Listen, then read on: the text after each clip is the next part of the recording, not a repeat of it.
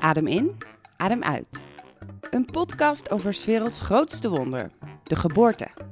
Met ervaringsdeskundige Rolien, want moeder van drie, en met mij, Aline. Moeder van één, verloskundige en ik geef zwangerschapscursus. We vertellen verhalen van bevruchting tot en met bevalling. En alles komt langs. De kinderwens, seks, zwangerschapskwaaltjes, die grote dag, maar ook de overgang naar het jonge ouderschap. Deze aflevering het verhaal van Jori. Jori had een spannende zwangerschap, waardoor ze pas na 20 weken echt kon genieten. Met haar man werd ze bovendien nogal verrast toen midden in de nacht bij 37 weken haar vliezen braken. Desondanks wist ze in haar kracht te blijven, vertrouwde op haar lijf, de mensen om haar heen en pakte uiteindelijk zelf haar prachtige zoon aan.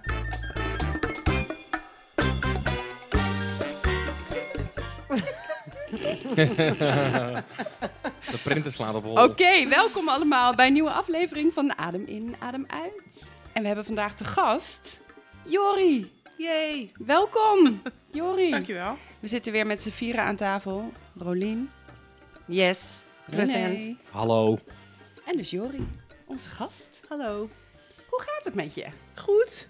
Ja? Hartstikke goed? Ja. Nou, ik ben op dit moment eh 29 weken zwanger.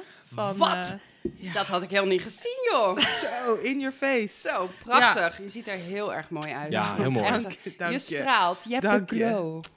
Zo voel ik me ook. Ja? Nee.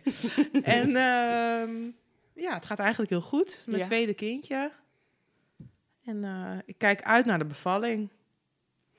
En vertel eens met wie eh, heb Ja. jij een tweede kindje?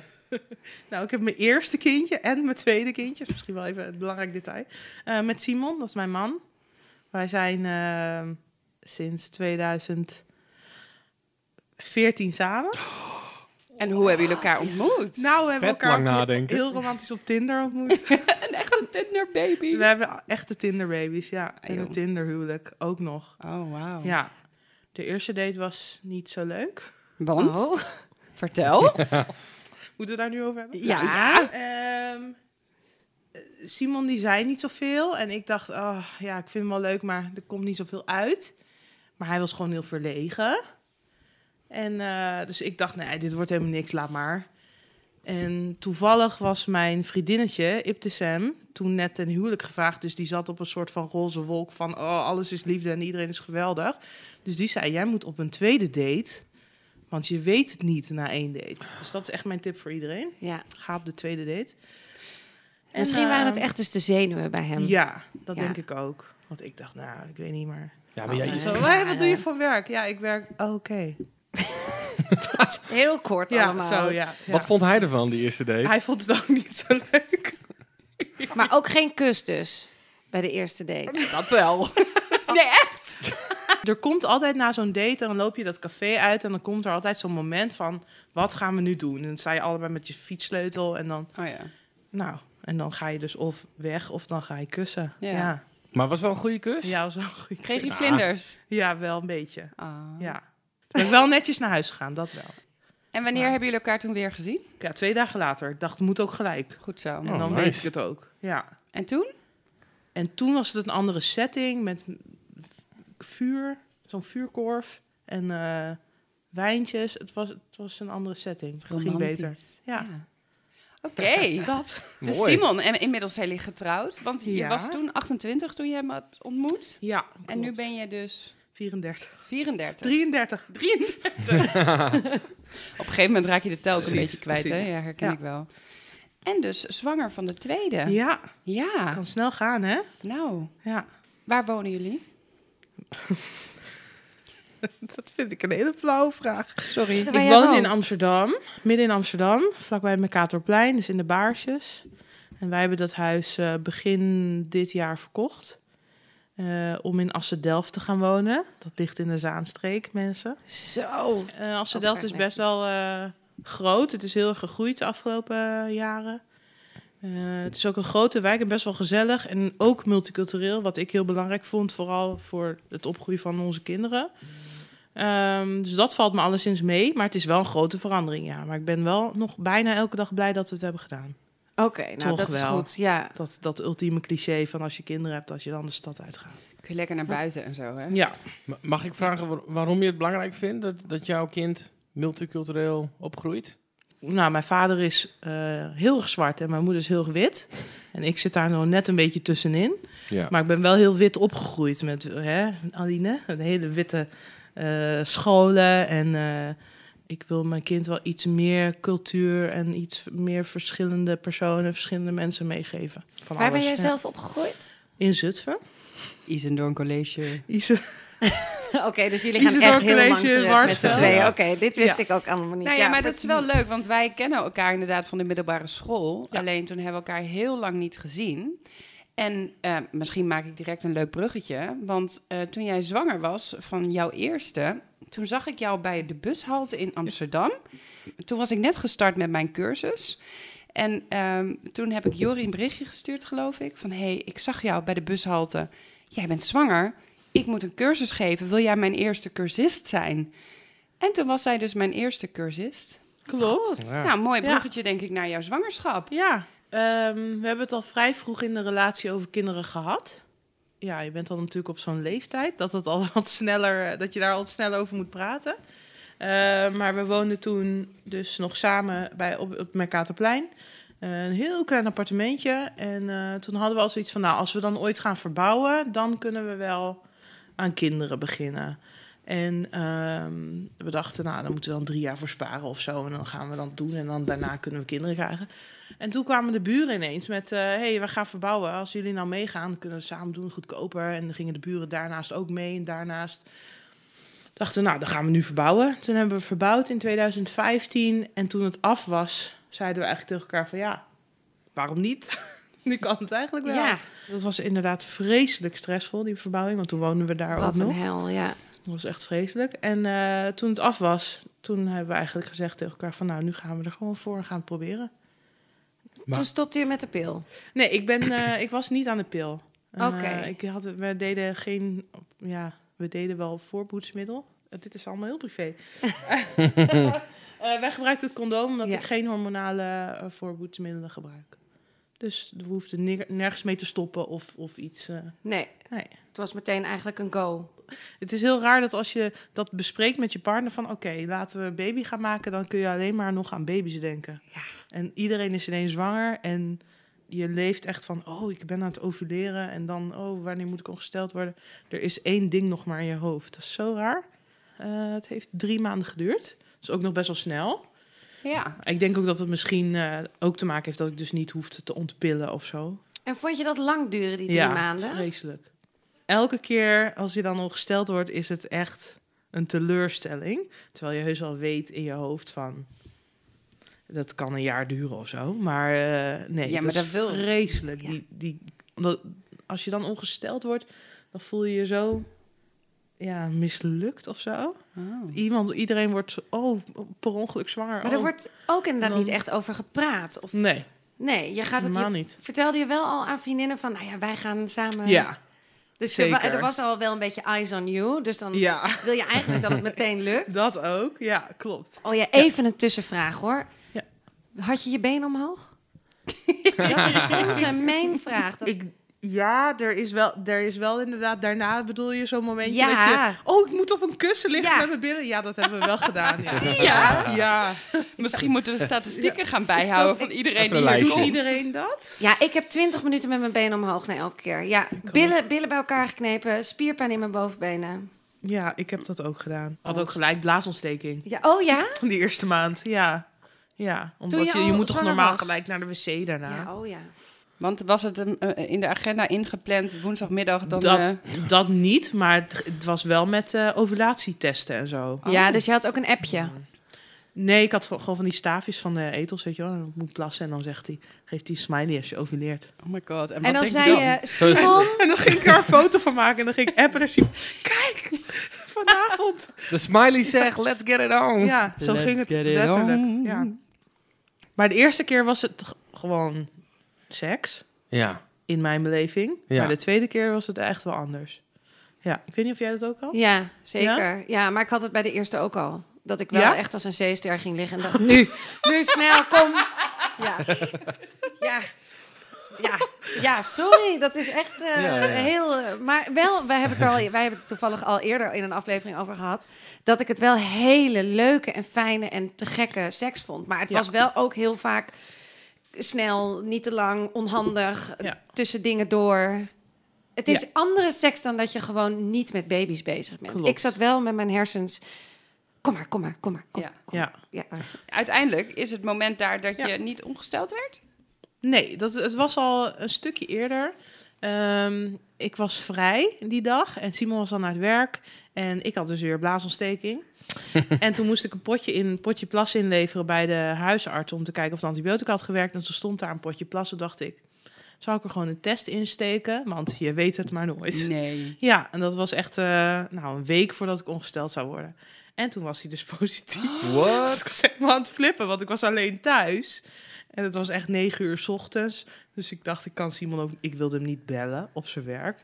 Dus ik ben maar gewoon naar de huisarts gegaan met dat potje. En ik zei, wil je ook even checken of ik zwanger ben?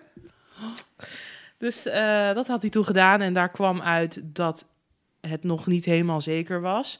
En dat snap ik wel, want het was Zo zo, vroeg. vroeg. Ja.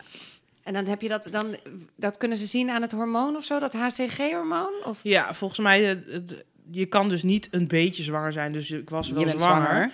Maar het is dan gewoon nog te vroeg, denk ik, voor de huisarts om te zeggen van... eh, of Ja, dan niet. is het? HCG-niveau is gewoon nog niet zo heel erg hoog. Dus dan kan het ook zijn dat het inderdaad een prille zwangerschap is, maar dat het HCG weer zal gaan dalen. Stel dat het toch niet goed ging, dat je alsnog hè, een menstruatie ging krijgen. Ja. Maar, ehm, maar bij jou Dus- niet. Nee, hij zei, kom over twee dagen maar terug. En hoe zijn die Ehm, twee dagen dan? Nou, ik heb eerst gewacht totdat Simon thuis kwam om het hem te vertellen. Want ik dacht, ja, kan niet naar zijn werk of zo. Hey, je hebt het niet eh, over de telefoon of nee, dat over een appje, niet. zoals Nee, wij Dat te gedaan. stuiteren natuurlijk. Je Hij ging was- al stuiteren naar de huisarts toe natuurlijk. Ja, ik was, ik was helemaal over mijn toeren. Ik was, ik was ook overal bang voor ineens. Voor de tram en zo. Ja? Dat ik de ronde kwam. Ja, heel raar, heel apart. Maar had je, ook, Ehm, had je dan zo'n soort van beschermende over jezelf? Weet je wel, dat je echt dacht, Ja. nou, oké, nu moet ik Ineens. voor dit Ik kleintje... ben meteen het huisje. Het Ja. huisje van de baby, ja. Dat is waar. Maar ehm, nou ja, twee, weken of twee dagen later gingen we weer terug naar de huisarts om dan nog een, eh, een test daar te doen.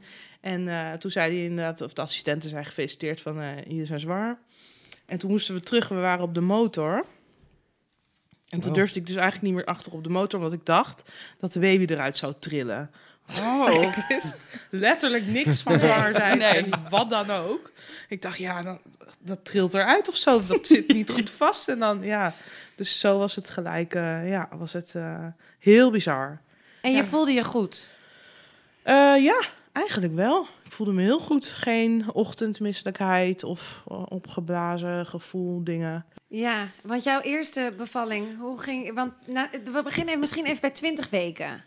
Dat was heel spannend. Terwijl ik vooraf dus nog niet zo door had dat het zo spannend was. Omdat ik echt niks wist van zwanger zijn of wat dan ook. Ehm, eh, en tijdens die 20 weken echo gaan ze echt kijken hè, wat, je, wat er allemaal mis kan gaan eigenlijk. En daar was ik eigenlijk helemaal niet zo van op de hoogte. Maar het bleek allemaal goed te gaan, dus dat was eh, eh, heel leuk. We wilden toen niet weten wat het zou worden, dus dat was extra spannend. en hele hele zwangerschap Hele niet. zwangerschap wisten we het niet. Nee. Nou, dat vind ik ook zoiets. Hoe doe je dat? Ja, ja, dat weet ik nu ook niet meer. Nee. Hoe ik dat heb gedaan. Want nu zat je al Eh, bij 13 weken. Ja, nu zat ik, heb ik bij 14 weken heb ik een pret-echo gedaan, omdat ik niet meer kon wachten. Ehm, maar ja, wij hadden toen echt zoiets van, nou ja, we hebben nog helemaal niks. Dus het maakt eigenlijk niet zoveel uit. En eh, laten we maar gewoon kijken hoe het komt. En, Eh, en dat je niet zoveel eh, had, eh, jezelf had geïnformeerd. Vond je dat achteraf, eh, was het juist een deugd of was het juist eh, een minpunt of zo? Nou, ignorance is wel bliss, wel een beetje. Ja, ik ben ik. nu banger dan eh, toen. Ja. Omdat ik nu ook meer weet, denk ik. Ja. Want wanneer kwam die angst dan? Mm, Misschien ik gewoon... weet een- gewoon, ik ben überhaupt bang voor het ziekenhuis. En überhaupt bang om eh, Want je naar huisarts of naar ziekenhuis? Nee, ik wilde absoluut thuis bevallen. Oké. Ja, ik vind ziekenhuizen vreselijk. Eh, ik was bang voor zo'n tangverlossing. Dat vind ik er heel eng uitzien, zo'n tang. En een keizersnede al helemaal. Dat, dat, eh, Kijk, als het moet, dan moet het. Maar ik was daarvan vooraf heel erg bang voor, ja. Misschien even een side note dat een tangverlossing... dat dat eigenlijk niet meer gedaan wordt deze tijd in Nederland. Dat we een vacuümverlossing gebruiken. En dat is gewoon een veel liever een soort van zuignapje op het hoofdje van de baby. Eh, dat is veel minder heftig dan hoe jij net uitbeeldt. Met je handen helemaal Hele- wijd, soort van Om het hoofd hoofd heen, heen. Jordi, Ja. dit is een soort van T-Rex na. Ja, zeggen. Dus jij ging die tang niet doen. Nee, sowieso niet. En ook niet het ziekenhuis. En ik weet nog dat het echt een ding was, omdat Simon daar heel erg aan moest wennen. Die had zoiets van, mm, kunnen we niet gewoon in het ziekenhuis waar het veilig is en eh, waar dokters zijn? En eh, toen ik het mijn broertje vertelde, die was echt boos. Die wou in het Die ziekenhuis. heeft opgehangen. Echt waar? Ja, die zei echt, we leven niet in de middeleeuwen. Waarom ga je thuis bevallen? Dat is gevaarlijk en je brengt jezelf in gevaar en dat kind. Dat ga je niet doen. En later is hij wel bijgedraaid, gelukkig. Op de bank. Weet En wat, had- wat, was, wat wa- was, wou jij heel graag? Ik wilde heel graag in bad bevallen. Waarom? Nou, ik sowieso ben eh, Simon en ik, wij duiken als we op vakantie zijn en niet zwanger zijn. Ehm, ik ben heel vrij in het water. Ik voel me heel fijn in het water. Ik zwem ook nu veel met Abel, ons oudste zoontje. Spoiler. Hij heet Abel. Dus water is gewoon een beetje eh, ja, mijn, mijn plek wel. Nou, en ik had ook gelezen dat het eh pijnstillend werkt. En eh, dat vrouwen minder kans hebben op uitscheuren in het water. Toen dacht ik, nou, dat klinkt allemaal goed, dus laten we dat maar doen. En dan de overgang ook is ook. Ik vind dat heel mooi, de overgang van de baby van de, Ja. het huisje zeg maar in je baarmoeder naar de wereld hoe Ja. die nu is. Het is zo'n intense verandering. En als je dat zo in een bad kan doen, dat is veel liever en veel zachter voor zo'n kindje. Ja. Heel anders. En dat bad, waar, hoe kom je daar aan? Nou, dat kun je dus huren. Oké. Ehm, of lenen. eh, of kopen. En is dat een heel groot bad? Ja, dat is echt heel groot. Ehm, je, hebt, je hebt wel verschillende maten. Ik had wel de kleinste, omdat ik dacht... het is fijn om in iets kleins te liggen... Wat, wat, waar je wel de randen van voelt. Maar je kan ook grotere bestellen. Eh, en dan is eigenlijk... eh, ja, de, de bodem, dat is dan wat je huurt. En alles waar je mee in aanraking komt, dat is nieuw natuurlijk. En dat gooi je dan ook na de bevalling weg. Eh, ze komen het in week 37 bij je thuis brengen. Want vanaf 37 weken mag je natuurlijk dan thuis bevallen. En als je bent bevallen, komen ze ook weer ophalen. Dat is top service. Ja, dat ja, is echt super handig. Maar je kan het ook vaak eh, bij de verloskundige lenen. Want nu bij mijn nieuwe verloskundige ehm, kunnen we er gewoon in lenen. Dus dat gaan we dan ook doen. Het schijnt trouwens ook dat het heel fijn is voor vaders, eh, omdat ze dan wat kunnen doen. Ze kunnen dat bad opzetten.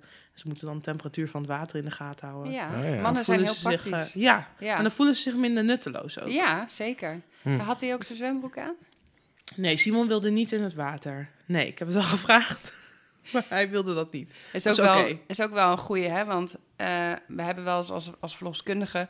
zeggen we altijd, neem wel je zwembroek mee... als je als partner overweegt om bij, eh, hè, in dat bad erbij te gaan. Eh, want wij zijn natuurlijk gewend om vrouwen naakt te zien... maar mannen zien wij niet zo heel vaak naakt. En ik bedoel, net als je naar de sauna gaat, toch? Hè? Als, Ja. Ik bedoel, je kan... Ik, kijk maar alleen naar te één kijken. Ja. Sorry, ja. Ik kan alleen maar kijken naar die piemels. Alleen maar. Ja, snap ik wel. Ja. Dus hoe leuk en lief het ook is... ehm, zwembroek aan voor de mannen is altijd wel een... Goeie eh, tip. Ja, Ja. hele, Goeie tip. hele goede tip. Zou ik ook doen. Pak een zwembroekje aan. Ja, zo'n speedootje heb jij toch? Ja, misschien Dan- voor de ja. tweede Zo'n. Borat-ding heb ik. Ik toevallig, zou, hè. ik zou dat wel leuk vinden als jullie Zou je die wel- Je zou maar zo'n monokini aantrekken als man. Met panterprint. Wow, wow, wow.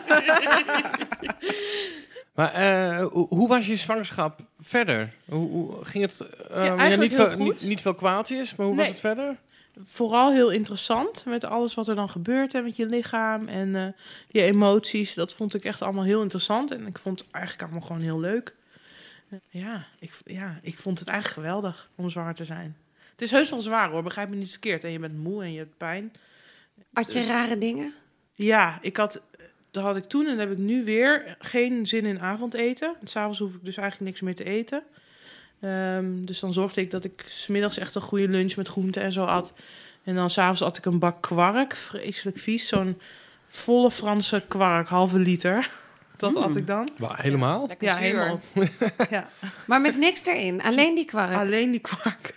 En ijs. ijsklontjes en waterijs. Ja, De zeker. hele zwangerschap. En nu ook weer. Ik Catalina krijg ook. serieus water in mijn mond weer. Waren er tijdens je zwangerschap eigenlijk nog bijzonderheden? Ja, wel een beetje. Ik heb eh, de eerste 12 tot 14 weken, ik weet niet meer precies wanneer het is gestopt, eh, best nog wel gebloed. Dus vergelijkbaar met de eerste dag van eh, menstruatie. Ja. Waarbij ik dus dacht van, nou, dit is het begin van een miskraam of dit, er is iets niet goed. Eh, dat bracht wel veel spanning eh, met zich mee. De eerste keer dat ik het zag, dacht ik ook van, oh. Ja. Dus gelijk verloskundige Ja. gebeld en ik mocht gelukkig ook gelijk komen. En toen hebben ze een echo gedaan om te kijken van, nou, waar komt dit vandaan? En is er nog een hartje? Daarom had ik ook al een echo met zes weken. Hm. Waarbij ze dus wel heel duidelijk hadden gezegd, misschien is er ook nog geen hartje. Maar dat hoeft niet te betekenen dat er geen hartje komt. Maar gelukkig was er al wel een hartje. En konden ze niet echt een oorzaak vinden. Toen hebben ze mij uitgelegd dat het best wel vaak voorkomt dat vrouwen ook tijdens de zwangerschap nog bloeden. En dat kan verschillende oorzaken hebben. Van eh, dat je bijvoorbeeld een gevoelige baarmoedermond hebt, geloof ik. Maar Je je schrik je kapot natuurlijk, Ja. of niet? Ja, je schrikt je helemaal kapot. Je Ja. denkt ook van, nou, dit is het begin van het einde. Of Ja. ja, Wat een heftige periode zeg, als je dit Ja. zo dat eerste trimester hebt. ja heel onzeker. Ja. Eh, toen heb ik nog één keer een bloedprop verloren met 18 weken. Eh, en dat was weer zo'n paniekmoment dat ik dacht, oh, Ja. Ja, dan ben je dit natuurlijk is al het zo kind ver- of Ja, zo. Dit, ja. eh, dus toen weer een echo gehad. Toen bleek ook eh, gewoon een babytje heel blij in de buik eh, allemaal aan het Maar had je een, een aanleiding daarvoor? Hè? Want je hoort nog wel eens Nee. dat als iemand bijvoorbeeld seks heeft Ja. gehad of heel druk is geweest, dat er dan zo'n bloedvaatje in die baarmoedermond gesprongen is, Ja. waardoor je wat bloed gaat krijgen. Maar dat was bij jou niet het geval? Nee, het was niet dat ik na seks of na sporten of, of iets dat het dan meer eh, ehm, ging. nee, helemaal niet. Het, het is gewoon ja, spontaan eigenlijk. Hm. Ja, en dat is wel, het is, was heel zwaar, vooral om dan kalm te blijven. Nou, ik had het daarover een gesprek met een verloskundige die zei: ga eens even genieten van eh, je zwangerschap. Toen zei ik: Nou, ik wacht die 20 weken echt al wel af. Vanaf dat moment ben ik me ook pas gaan inlezen en ben ik ook pas eh, een, een pakje gaan kopen en eh, dat soort dingen. En zij zei, dat is eigenlijk heel erg zonde, want dan is de helft van je zwangerschap al voorbij. En dan heb je maar van de helft genoten. Dus dat was wel een beetje een eye-opener dat ze dat toen zei. Eh, maar het is gewoon heel moeilijk om ervan te genieten, omdat je bij alles denkt, oh, dit gaat fout. Wanneer voelde jij dat het ging gebeuren? Nooit, heb ik niet, ge- heb ik niet aanzien komen. Nee, ik was ehm, eigenlijk nog aan het werk, heel stiekem. Ik eh, was toen nog docent economie. En eh, het was precies eindexamentijd. En dus er was ook eigenlijk niemand die, die de tweede correctie kon nakijken. En dus ik was eigenlijk best nog vrij, ja, Maar hoeveel bezig. weken zwanger was je hierbij? Ehm, ik ben bevallen 37 plus 3. dus best wel vroeg. De dag voor mijn bevalling kwam mijn moeder. Toen hebben we echt zo'n moeder-dochter dag gehad met nagels doen en winkelen. En ze ging heel laat weg, pas om een uur of half twaalf s'avonds. En ik voelde me eigenlijk gewoon wel prima. Ik was wel een beetje lusteloos, als in... Ik wilde niet zitten, ik wilde niet liggen, ik wilde een beetje, een beetje onrustig of zo. En voor Simon was dat het teken van, nou, ja, volgens mij moet je nu gewoon maar echt met je verlof beginnen. En rond een uur of vijf, half vijf s'nachts, moest ik plassen. En toen ging ik weer liggen in bed en toen dacht ik, hé, hey, ik heb toch al geplast of niet? Wat, Oh. wat loopt eruit? En toen in één keer bedacht ik me dat het dus wel eens vruchtwater zou kunnen zijn. Want de verloskundige had wel gezegd van zoals het in de film gebeurt, zo gebeurt het bijna nooit. Eh, het gaat niet zomaar in één keer barsten. En dus hè, doe maar gewoon rustig. Maar ik dacht toen wel van, oh mijn god. Dat, dus ik sprong uit bed, want we hadden natuurlijk nog geen plastic op het bed, omdat 37 weken, ja, weet ik veel. dus toen eh, sprong ik uit bed en toen kwam het dus inderdaad precies zoals in de film. Zo'n hele golf van water. Het zat echt tegen de muur. Oh, Kwam het eruit gebarsten. Jeetje, Wauw. bizar. Ja. Ja. En toen heb ik Simon wakker gemaakt. Simon, mijn water is gebroken. En eh, hij draaide zich om en toen kwam echt de tweede golf. Het kwam echt zo van die golven. Is het veel? Ja, het is enorm veel. Het is zoveel. We moesten echt dweilen. Ja. Ja. Ik zat tegen de muur. Ja. Ja, toen ben ik maar op de wc gaan zitten. En toen heeft Simon gedwaald. Oké. En toen zijn we weer gaan liggen, want ik dacht, ja, En hoe dan? En, en Oh, ze- dat, ja. hoe ga je dan Ga weer je- sta je liggen? dan niet aan? Denk je, oh, er gaat iets gebeuren nu. Nee, want ik wist van Aline dat je dan nog 24 uur hebt om te bevallen. Ehm, en ik had ook nog geen weeën.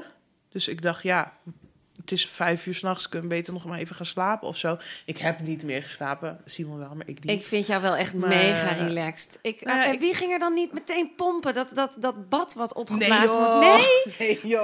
Oh, dat zou ik echt... Nee, want het kan echt. Ik bedoel, als je gebroken vlies hebt. duren. Ja, het kan Ja. 24 uur duren, maar het kan zelfs langer duren. Maar na 24 uur, als je bij je verloskundige onder zorg bent, na 24 uur word je dan overgedragen aan de verloskundige van het ziekenhuis of de gynaecoloog.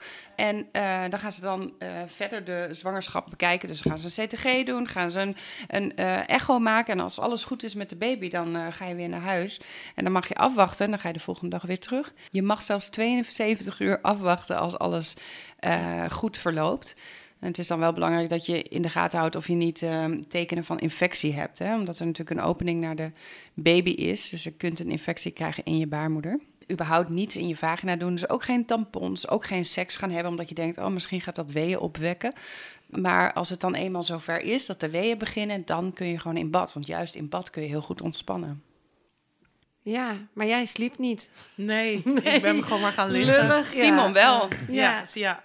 Ja, met zo'n matje wat je dan krijgt bij je kraampakket. Ja. Ja. die dacht je voor de zekerheid, Ja. die er maar even onder. Ja, heel goed. Die had je al Ja. geopend, ook dat kraampakket in je Ja. zwangerschap. Ja, Wat dacht je toen? dicht. Oh, vreselijk vond ik dat. Het is zo grappig, als, als ik aan mensen vraag, heb je het kraampakket al geopend? Dan echt zo, oh my god, ja, wat was Ja. daar allemaal? Daar zitten van die enorme maandverbanden Ja. bijvoorbeeld in. Daar kun je Ja. best wel wat van schrikken. Maar die heb je wel echt nodig. Zeker als je vliezen breken en het is zoals in de film en het gaat alle kanten nou, op, toch? ik dacht toen ik ze zag, ik weiger deze ooit te dragen Ja. van mijn leven. Ik moet het, wel eens eerlijk zeggen dat ik de dagen na mijn bevalling vooral bloot op bed heb gelegen Ja. hoor. Dus niet te veel die maandverbanden Heerlijk, in, toch? maar gewoon lekker eh, uit laten waaien. Sowieso alle gêne gaat toch Ja. overboord als je Ja, mag Ja. wel. eh, Het is op een gegeven moment zat ik toen ik die stuwing had. eh, maar ik zat hier in, eh, op die stoel, zo'n hang of zo'n lekkere luistoel. Zat ik met mijn stuwing. De kraamzorg was er, mijn moeder was er. Want ik had zoveel stuwing dat zij samen mijn borsten aan het masseren Oh, waren met hete lappen. En En niet ik met zat kool. daar. Ze En zeggen kool? toch, Ja. oh mijn Ja, god, ja. Ik, Kool. Ruben haalde boerenkool. Maar dat is niet de goede kool. Dus ik had twee groene lappen, maar dat, ik dacht, het Nou, heel echt. raar. Ik was verliefd op de kool. Je kunt witte kool halen. Dat, Ja. houdt dus, eh, dat helpt om de stuwing te verminderen. Ik, ik, heel, ik heb echt lang daarna nog van die koolbladeren in mijn eh, BH gehad. Gewoon puur omdat het zo lekker voelde. Het was zo lekker Het, koud. het en- koelt op een of andere reden. Het is heel apart. Oh, Het is ik ook was echt verliefd erop. zeggen ze het wel eens. Dat je, het, dat je witte kool om je, om je keel moet doen in een, Ja. in een lapje. Jeetje, dat Echt? wist ik Ja. niet. Iedereen haalt Ja, witte dan- kool in huis Ja. na Ja, de die, eh, geboorte. Van de keel, dat, dat ken ik ook. Dan gaat het, gaat, gaat het in de kool. En Is dan- dat echt En dan, ik, en dan krijgt de koolontsteking. het is, ik dacht, jij komt nu echt met een heel goed... Maar dat is dus... Dit, Ik kon het dit- niet laten. Jongen, jongen, jongen. Oké, sorry, we gaan door. Jij kon niet slapen. Nee, ik kon niet, nee, ik kon niet meer slapen. Ik was vrij eh, ontspannen, maar slapen ging, eh, ging niet meer. Ik heb een beetje geïnstagramd. Eh, en rond een En- uur of zeven, denk ik, twee uur later, tweeënhalf uur later, dacht ik wel van, oeh, volgens mij zijn dit weeën. Eh, maar ik twijfelde wel nog steeds, omdat ik dacht, nou, is dit het nou? Ehm, maar omdat het zo'n andere pijn is dan waar je daarvoor eh, ehm, mee te maken hebt gehad, dan weet je eigenlijk wel van, oh, volgens mij is het nu begonnen. Want het, het zit echt op een hele andere plaats, op een of andere manier. Ja. En hoe zag jouw ochtend er dan toen uit? Ehm, nou, ik had toevallig eh, dus de 37 weken controle die dag. Dus ik heb rond een uur of negen hebben de verloskundige gebeld van... nou, ik kom niet, want vannacht zijn de vliezen gebroken... en eh, nou ja, we moeten maar even kijken hoe het allemaal gaat. En eh, toen zei ze, nou, hoe voel je je? Om, hoeveel, om de hoeveel minuten komen ze? En het was nog allemaal heel rustig en langzaam.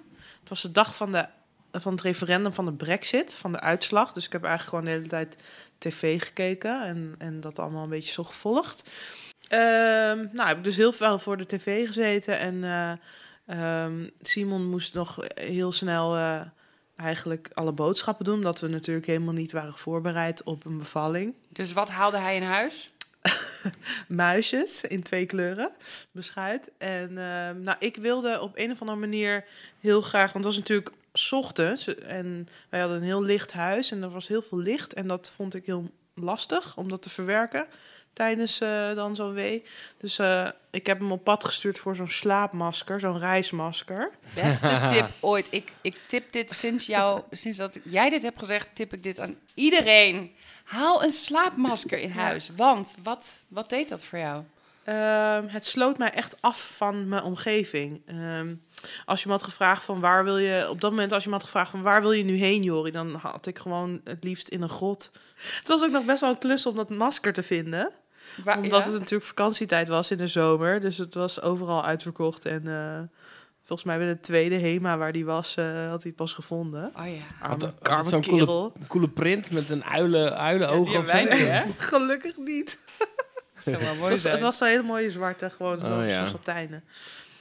Eh, ja, dus dat heeft hij toen gehaald. En ehm, nou, om elf uur kwam de verloskundige even kijken. En die eh, zei, eh, nou, je ziet er nog wel best wel fris uit. Dus ik ga je ook niet toucheren.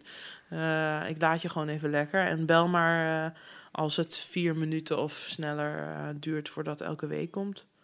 En wat doe je dan in die tussentijd? Wat deed jij? Ja, ik heb dus heel veel tv gekeken, omdat het allemaal zo spannend was. En een beetje rondgelopen in het huis. Ik heb niet echt actief wat gedaan, dus niet stofzuigen of wat je wel eens hoort.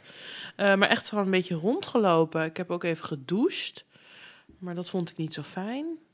Oh. Ehm, ik had zo'n zo'n ehm, zo'n hele grote skippybal, heet zo'n ding? Gewoon zo'n yogabal. Ja, zo'n yogabal. Dat hoorde ik dan ook, dat het heel fijn was. Dat vond ik ook helemaal niks. Dat heb ik ook Nee? wel gauw... Nee, vond ik heel Zo grappig, hè? Ja, heel veel Ja. mensen. Ik raad hem iedereen aan Ja. ook. Dat hoor ik ook heel veel. En, hey, Maar- en als je hem niet gebruikt, dat kost ook geen drol natuurlijk. En dan heb je er in de zwangerschap lekker op kunnen zitten. Want Ja. het is heel fijn voor je daarna lekker bekken. agressief, lekker leeg prikken. Ja. ja. Ja. Pang! Ja. Maar terug naar het zwembad.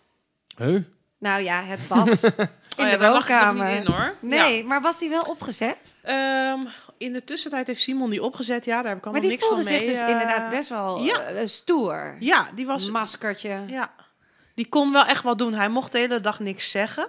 Dat was heel moeilijk voor hem. Want ik was... eh, nou ja, ik heb bij Aline een hypnobirthing cursus gevolgd. Eh, en ik zat heel erg in die ademhalingen. Ehm, dus elke keer als iemand wat tegen me zei, was ik daar weer uit. En dat vond ik heel irritant. Dus ik had gewoon liever dat het allemaal stil was. En ik dacht ook echt van, laat me gewoon met rust, want ik doe dit wel. Even. En dan, eh, dus ik lag eigenlijk op bed. Eh, en in de woonkamer waren, was Simon dan met eh Karin, de volkskundige, bezig om dat bad op te zetten. Nou, en om vier uur middags had ik vier centimeter ontsluiting. Toen, toen hebben we dus de verloskundige gebeld van... Nou, het, duurt nu, het zit nu ongeveer vier, drie minuten tussen elke wee. Dus toen hebben we haar gebeld en toen heeft ze me wel getoucheerd. En toen was het vier centimeter. Dat vond ik toen enorm teleurstellend. Maar achteraf blijkt dat wel gewoon een normaal tempo te zijn. Ehm, en twee uur later had ik 6 centimeter. Dus dat is volgens mij precies op het. eh, Heel gemiddeld, ja. In die actieve toch? fase een centimeter per uur is gemiddeld. En al die tijd heb ik eigenlijk gewoon op bed gelegen in een soort van eh foetushouding. Met mijn eh, masker op. En dan kwamen ze af en toe, eh, Simon en Karin kwamen af en toe binnen. Hoe gaat het? en dan gingen ze weer weg. Haalde, je Eh. haalde dat je uit je Ja. cocon? Of vond je het ook wel fijn dat je wist... Nee, ik dacht laat me maar gewoon alleen. Leave me alone. Ja, Ja. dat had ik heel erg. Ja, ik, ik Ja. snap nu ook wel dat in sommige culturen vrouwen echt weggaan als ze voelen dat de bevalling begint. Ja, ik, vind het, ik vind het heel lastig om uit te leggen, want het is wel een soort van pijn. Maar het is niet pijn als je bijvoorbeeld eh, een snee hebt ergens of eh, bent gevallen. Het is een, al heel, een, het is een soort van druk wat je voelt. En dat gaat dan weer weg. Het gaat echt in van die golfbewegingen. Eh, het komt en dan is het even heel scherp, maar dan weet je ook weer van daarna gaat het weer weg. Hielp die echt gedachte je ook? Ja, ik had echt zo'n ritme van, eh, nou, ik deed dan een soort van dutje-achtig iets en dan kwam er weer een W en dan deed ik weer een dutje en dan zo ging dat steeds eh, eh, in zo'n soort van kokonnetje. Klinkt helemaal lekker eigenlijk. Ja, Nou, ik dus- vind het wel knap dat je, het zo, al- dat je dat echt wel alleen hebt gedaan. Heel bewust Ja. alleen. Ja, ik had het ook van tevoren niet verwacht. Want eh, in het echte leven steunen Simon en ik elkaar bij alles. En willen we alles samen doen en bespreken en, en eh, overleggen. En ik had het ook niet verwacht. We hebben ook wel bijvoorbeeld technieken geleerd dat je dan samen weeën kunt opvangen of masseren. En dat hebben we echt allemaal niet gebruikt, omdat ik dat niet wilde op dat moment. En hoe was het dan voor Simon dat hij niet zoveel kon, Ja. of niet zoveel kon doen? Eigenlijk, Hij vond dat wel moeilijk. Dus hij heeft het vooral gewoon heel bewust meegemaakt. Omdat hij, hij zei, ja, ik vond het vooral heel lang. Omdat ja. natuurlijk de hele dag niks doen, ja. Een beetje, duurt heel lang. Maar hij heeft het ook wel heel bewust meegemaakt. Omdat hij veel beter dan ik zag wat de fases waren. Ik zat een beetje in mijn cocon, dus ik wist niet echt waar we waren. En hij zag echt heel goed die fases van de bevalling langskomen. Dus dat, eh, ik wilde ook, eh, want ik wilde dus heel graag in het bad bevallen. Dat stond ook in een bevalplan. Maar toen het eenmaal zover was, wilde ik eigenlijk dat bed niet uit. Ehm, want op een gegeven moment had ik natuurlijk 6 centimeter ontsluiting. En toen zei Karin, de verloskundige, van... Nou, hè, we hebben afgesproken, jij wil een bad bevallen... dus we gaan nu van het bed naar het bad lopen. En ik zei, nee, ik blijf wel hier. Ik vind dit wel oké. Eh, en toen heeft ze me nog even laten liggen. Maar na een half uurtje heeft ze gezegd... nee, want jij wilde in bad bevallen. Dit is wat jij wilde. Dus dat gaan we nu doen. En toen ben ik opgestaan. Toen ben ik naar het bad gelopen. Ik had een heel mooi topje gekocht, tuurlijk. Ehm, maar ik ging helemaal in mijn naki ging ik het bad in. Ik wilde niks om mijn lijf en niemand eraan. Nee, ik was helemaal eh, naakt, ja.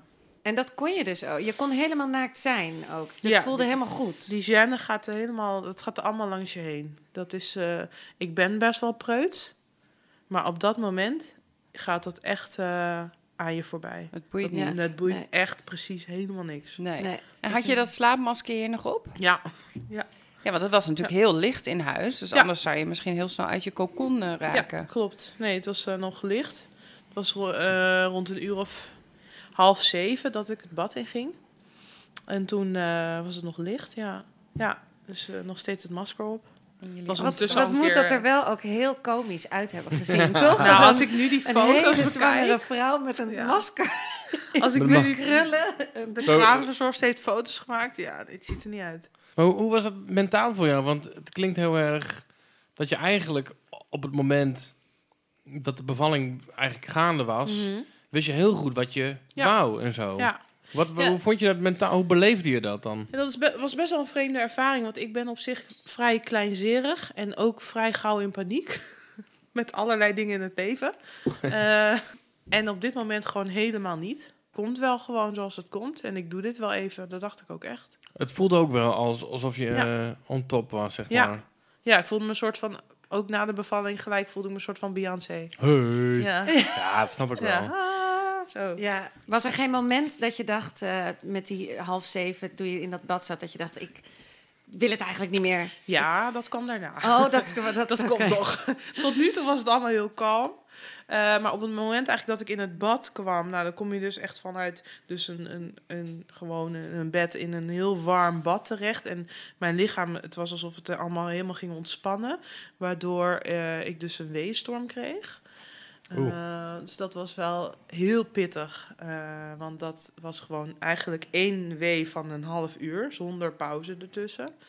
Ehm, en dat, ik wist op een gegeven moment niet meer waar mijn handen waren. of waar mijn hoofd was. Eh, dat was heel pittig. Eh, maar achteraf gezien wel heel fijn. Want ik was ook gelijk klaar in een half uur. Want toen zat ik op 10 centimeter. Ja, Dus dat dat hoor je echt- vaker. Ja. Ja. hoor je heel vaak. Want je, je gaat dat bad in, dat is zo lekker warm. Je lichaam ontspant daar helemaal Ja. van.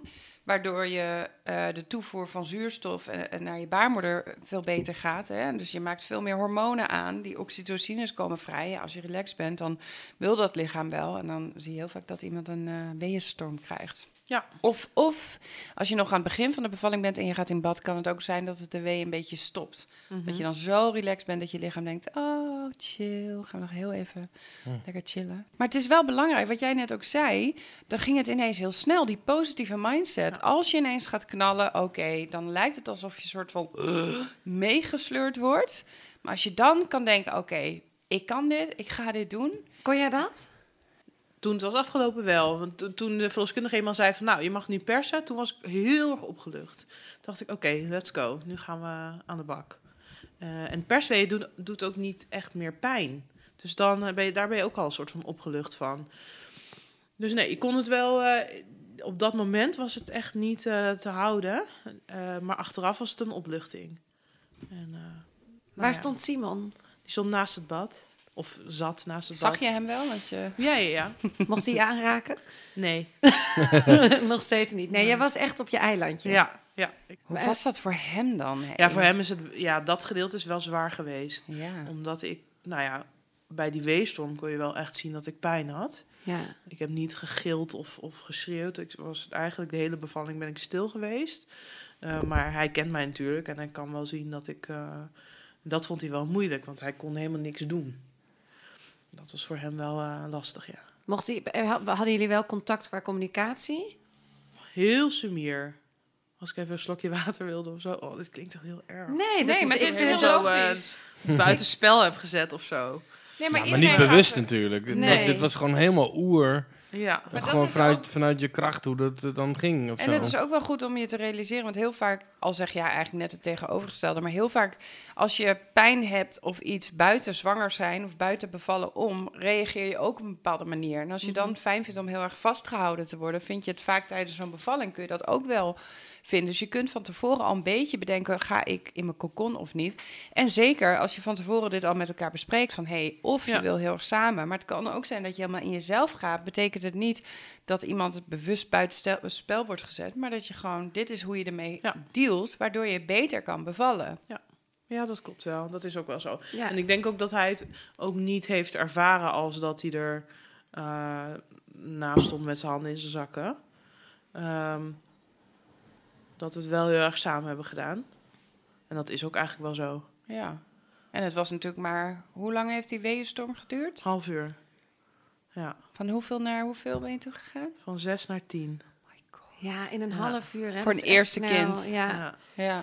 Want die, en, en het persgedeelte? Dat duurde wel lang. Dat duurde, nou ja, lang. Ik weet eigenlijk niet of dat lang is. 70 minuten. Heb wel, voor, voor mijn gevoel duurde dat lang. Dat is best wel, nou, is eigenlijk heel gemiddeld. De meeste vrouwen die voor de eerste keer gaan bevallen, is tussen een uur, anderhalf uur. Maar je mag echt wel goed twee uur persen, mits er progressie is. En soms Mhm. zelfs wel langer, hè, als de baby wel steeds dieper komt. Ja. En bij een tweede kindje zie je dat het veel sneller gaat. Gewoon puur omdat die weg door, de, door die bekkenbodem al gebaand is. Dus dat kan zo 20 minuten en soms zelfs sneller gaan. Ja, dat Ja. heb jij zelf ervaren. Nou, dat had ik dus heel erg in mijn hoofd van anderhalf uur. En, dan, en ik zat dus vanuit dat bad naar de magnetronklok te kijken. Van, oh, dat kind moet eruit. Want ik ga niet nu alsnog naar het ziekenhuis. Ehm, dus dat gaf bij mij wel een soort van trigger van... eh, nu gaat het ook eh, echt gebeuren. Ehm, En was het ook niet zo dat jij tussen je benen voelde? Ja. En wat Ja, voelde je toen? haar van eh, mijn zoontje. En toen dacht ik, oh my god. Dit gaat... Ja, dat voelde zo raar. Toen dacht ik, oké. Enorme bos haar van je zoon. Ja, dus toen dacht ik, dit, nu gaat hij eruit. Want eh, dit kan niet. ja, Nee. ja, dat was wel de trigger, ja. Ja, maar vertel, ik wil nu, want pakt hij jezelf vast? Of wat, wat was de kracht? Nee, het was gewoon van, nu gaat het gewoon gebeuren. Dat, dat gevoel had ik heel erg. Eh, ik wist gewoon bij de volgende week van, nu komt hij eruit. En, Dit, je, nu ben ik er klaar mee. Dat wa, het wa, ik was er ook echt wel klaar mee. en schreeuwde je? Nee. Je was nog Nee. steeds helemaal in toch wel ook rust. Nou, niet helemaal rustig. Ja, het is een hele. Een, het brullen is wel een soort vanuit in je onderkeel. Zo. Ja. ja, het is wel. Ja, dat. Ja. Ik denk dat ik dat wel heb gedaan, Ja. ja. in mijn, ja. ja. Zo, Ja, precies. Zo'n alsof je soort, heel ja. erg grote drol moet... eh, Ja. En dat is eigenlijk Dat ook is zo. ook echt zo. Ja. Het is ook, ik heb ook heel lang was ik heel bang dus dat ik in het water zou poepen, want dan Ja. komt het natuurlijk drijven. Ja. Dan heb ik, dat zat ik te bedenken. Dus ja, je- als je zo'n je bad krijgt met er ook een ja. netje bij. Als je zo'n bad huurt, krijg je een netje erbij. Dit vind ik Om- echt een prachtig detail. Om die Ja, drollen dat is wel eruit. Heel logisch. Ja, Ja, dat een is echt zo. schepnetje. een schepnetje. Dus Oh. ik zei ook op een gegeven moment van, ik moet het bad uit, want ik ga, ik ga nu poepen. Zei ik, Nee, zei de verloskundige, dat is je baby. dacht ik, oké, oké. Dat bleek ook zo te zijn, gelukkig. Het voelt als poepen. Dit is altijd... voelt letterlijk, bijna iedereen precies. zegt, ik moet poepen. Ik zo, yes, let's Ja. do it. Ja. Weet Ja. je wel? Dat betekent Ja. dat je baby aan het duwen is. Ja. Ja, En dat is ook wel even mooi eh, iets. Je hebt echt over bang zijn voor het poepen in, in, eh, tijdens de bevalling. Veel vrouwen poepen tijdens de bevalling, maar je moet je wel realiseren dat zo'n babytje zo dieper en dieper het bekken inkomt. Die duwt eigenlijk de ontlasting al uit je eh, darmen. Eh, en meestal zie je dat de, mensen al de dag, de ochtend al eh, dunnere ontlasting hebben en dat het pas 's avonds dan echt gaat beginnen. Dus eigenlijk als je bang bent voor poepen, forget about it. Want als het gebeurt, zijn het echt mini-mini kleine keuteltjes. Ja, en dat Ja. halen jullie meteen weg, toch? Halen we meteen weg. Ja. Daar merk je helemaal niks van. En in zo'n bad het zou het echt zo'n mini Het is echt niet zo'n enorme drol die daar voorbij Zo'n komt. hele eh. boot. Zo'n Dan denk ik, hè, Simon had toch zijn- had toch zijn zwembroek aangedaan. En eh, ik heb ook van, als het gebeurt, moet je gewoon scheid aan hebben. Ja.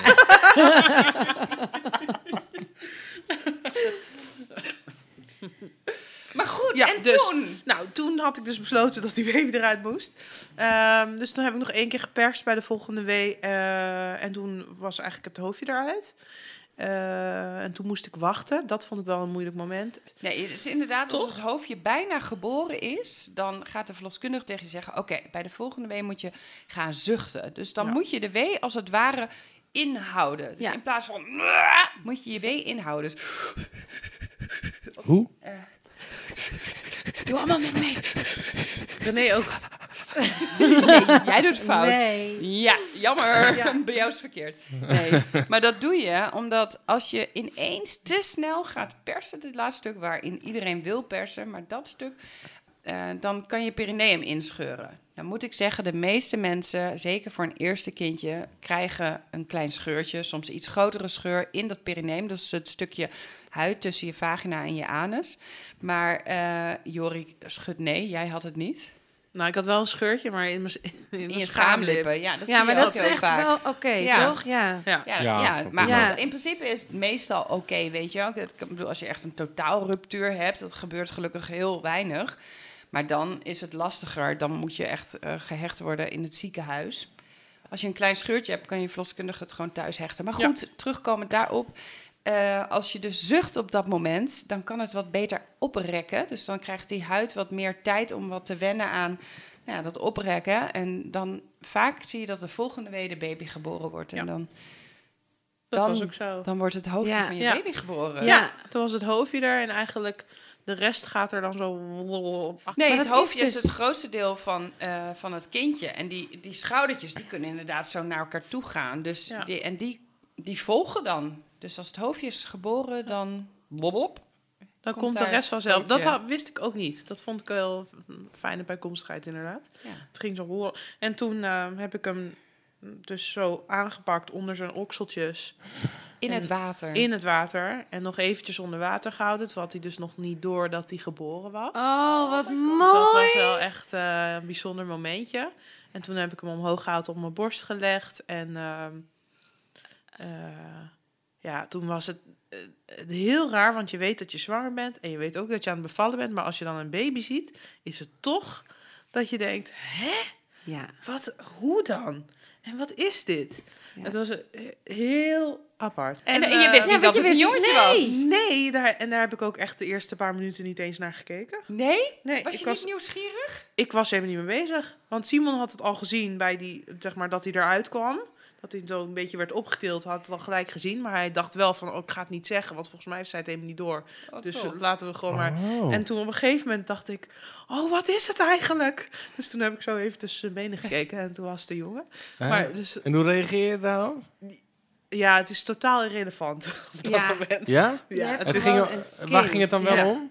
om echt dat hoofdje en die oogjes en die vingertjes, gewoon dat het gewoon een mens is wat er dan Ja. uitkomt. Dat Ja, is maar- bizar. Bizar. Heel Oké. En hoe vond je, Ja. hoe vond je de liefde? te- hoe, voelde dat, hoe voelde Simon ineens voor jou? Hoe was die, dat naar hem? Dat gevoel? Het is ineens alsof je met z'n tweeën een soort van wereldwonder hebt gemaakt. En je bent ook ineens inderdaad zo verliefd op elkaar en zo intens ook met z'n tweeën. Want er zijn natuurlijk wel andere mensen bij, maar je bent zo met z'n tweeën en dan in één keer ook met z'n drieën. En dan, ja, het is bizar. Ook toen hij, want ik heb nog best wel lang met Abel dan in bad gezeten, totdat eh, de eh, nageboorte was geboren.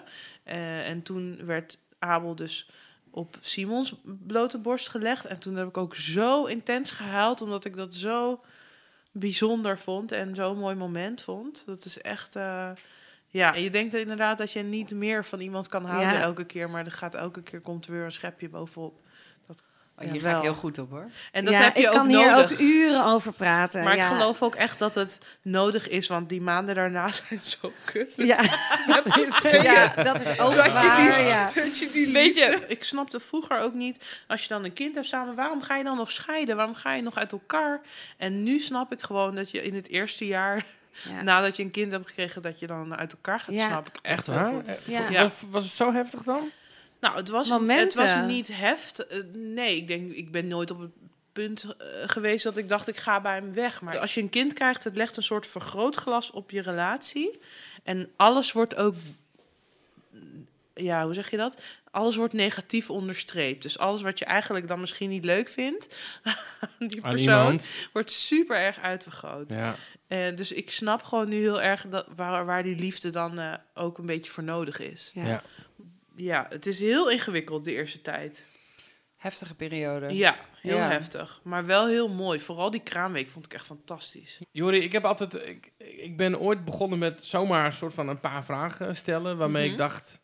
Oh, hier kunnen we nog een soort van uiterste mee pakken of zo. Maar Ja. ehm, ze zijn heel makkelijk hoor, dus maak je geen zorgen. Maar als je terugdenkt aan het verhaal van Abel, wat vond je nou het allermooiste? Echt het moment dat hij geboren werd. Toch wel. Dat ik hem voor het eerst zag. Dat, dat je zo verliefd bent en dat het zo mooi is. En dat hij de allermooiste baby is die ik ooit heb gezien. Wat vond je het vervelendst? dat alles vervelendste als ik terugkijk, vond ik toch wel echt het bloedverlies. Omdat het me gewoon heel erg onzeker maakte. Terwijl de verloskundige zei dat er niks aan de hand was, is het toch iets wat voelt alsof het niet goed gaat. En dat gaat dan weken zo door en dan denk je, nou, dit kan gewoon niet goed gaan. En dan eh, Ja, gaat het toch goed. dat gaf wel zo wat stress, zeg maar. Ja, zeker. Waar ben je het meest trots op? Mm, ik ben het meest trots op het gezin wat wij nu eh, zijn met z'n drieën. Mooi. Ja, toch wel. Oh, kijk jouw blik. Mm. Ja. Ja, het is wel eh, een, een weg geweest natuurlijk. Maar nu zijn we wel echt met z'n drieën. Ja. Ik vind jou ook wel echt een mega powervrouw, Nou, hoor. Wat een prachtig verhaal. Nou, dankjewel. Dankjewel. En ook eh, zo knap dat je volgens mij zo duidelijk kon aangeven tijdens je hele bevalling vooral, maar ook ja, precies wat je wou Mhm. en wat je niet wou. Of... Vond je het leuk om eh, erover te kletsen? Ja, superleuk.